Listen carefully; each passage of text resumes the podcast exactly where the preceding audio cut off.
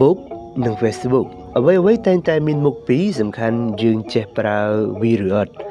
ទ្រព្យសម្បត្តិនៅនឹងមនុស្សខូចគឺនឹងរលាយស្រានៅនឹងមនុស្សប្រមឹកគឺប្រៀបដូចជាស្រមោចនៅជាមួយស្ករស្រីស្អាតនៅក្បែរព្រះនារីគឺប្រៀបដូចជាទំពក់និងភ្នៅខ្មែរយើងតែនិយាយថាបើទំពក់មិនទៅភ្នៅក៏មិនមកដែរខ្ញុំយល់ថាបើទំពក់ទៅហើយ ទំពក់មានចេតនាចង់ឲ្យភ្នៅធ្លាក់ហើយទោះបីជាភ្នៅមិនចង់ធ្លាក់មកដល់ដីក៏ដោយក៏មិនដែរដែរបរោះនឹង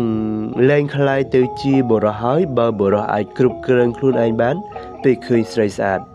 នារីក៏នឹងមិនមែនជានារីដែរបើនារីអាចឈ្នះកម្លាំងតស៊ូផ្លូវស្នេហារបស់បុរសមិនដែលមានសត្វស្រមោចឯណាដែលស្លាប់នឹងក្រឡអំបិលទេប្រៀបដូចជាមមាញច្រើនស្លាប់នៅនឹងភ្លើង ស្រឡាញ់ខ្លួនឲ្យស្ងួនចំណីស្រឡាញ់អ្វីអ្វីក៏ត្រូវស្រឡាញ់ឲ្យត្រូវផ្លូវមនុស្សរស់នៅគ្មានវិន័យប្រៀបដូចជាសត្វគោដែលឥតកន្ទុយត្បិតនឹងរហេតរហូតគ្មានផែនការច្បាស់លាស់ជីវិតមនុស្សត្រូវការរស់នៅជាមួយនឹងផ្លូវត្រឹមត្រូវមួយប្រៀបដូចជាសង្ឃមានវិន័យបីដកដើម្បីឃុំក្រងតណ្ហាខ្លួនអីចឹងចង់រស់នៅខ្លាំង ត្រូវមានវិន័យតឹងរឹងត្រឹមត្រូវមិនមែនធ្វើលេងលេងទេអ្នកខ្លះសួរខ្ញុំថាបើខ្ញុំចូលចិត្តលេងតែ Facebook តើត្រូវលេងយ៉ាងម៉េចទើបត្រឹមត្រូវឬត្រូវកែទម្លាប់យ៉ាងណាទើបអាចលេងដោយមិនមានទើបដោយលេងដោយមានប្រយោជន៍ខ្ញុំសូមនិយាយរឿងមួយតើទៅនឹងបរិះលក់ផលិតផលម្នាក់ថ្ងៃមួយបរិះម្នាក់បានបើកហាងលក់ផលិតផលមួយប្រភេទ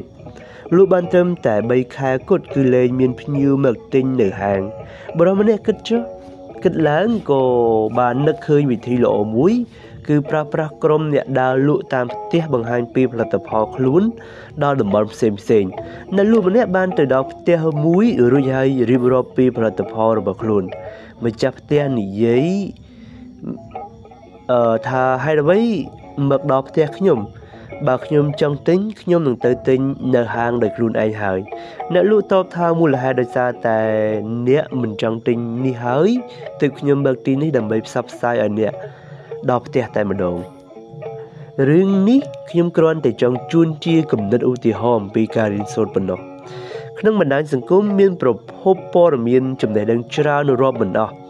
មិនថាសំណេរចំណេះដឹងសំណេរព័ត៌មានសំណេរបែបអារម្មណ៍សំណេរប្រឡំលោកសំណេរទស្សនវិជ្ជាសំណេរនយោបាយសំណេរផ្សេងផ្សេងអ្នកនិពន្ធយើងនិងស្មេយើងជាច្រើន បានសរសេរផ្សព្វផ្សាយចំណេះដឹងតាមជំនាញរៀងរៀងខ្លួនខ្វះតែអ្នកអានពិតប្រកបប៉ុណ្ណោះបើយើងជាមនុស្សខ្ជិលអានអីចឹងតតែរកវិធីបែបណា ឲ្យចំណេះដឹងរត់មកបង្ហាញខ្លួននៅនឹងភ្នែកយើង នេះមានន័យថាដោយសារតែយើងមិនចង់អាននិងមិនចង់រៀននេះហើយទើបយើងត្រូវធ្វើយ៉ាងណាឲ្យចំណេះដឹងមករកយើងវិញបានតើត្រូវធ្វើយ៉ាងណាទើបអាចឲ្យចំណេះដឹងមករកយើង វិធីសាស្ត្រដ៏ល្អបំផុត គឺយើងត្រូវពិចារណា សំណេរណាដែលយើងចង់អានរៀងរាល់ថ្ងៃ បន្ទាប់មកកំណត់ cipher ទៅលើទំព័រ Facebook ណាដែលយើងចូលចិត្តឬកំណត់ស៊ីពឹសលើ Facebook បុគ្គលណាម្នាក់ដែលតែងតែសរសេរសម្ដែងចែករំលែកចំណេះដឹងរៀងរាល់ថ្ងៃតាម Facebook វិធីនេះ Facebook នឹងបញ្ជូនតែសារល្អល្អមកឲ្យយើងគ្រប់ពេលដែលយើងបើក Facebook បើធ្វើបែបនេះ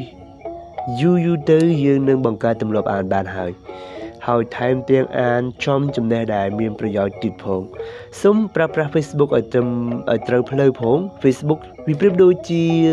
កល្យាណមិត្តឬបាបមិត្តរបស់យើង ជាអ្នកជួយយើង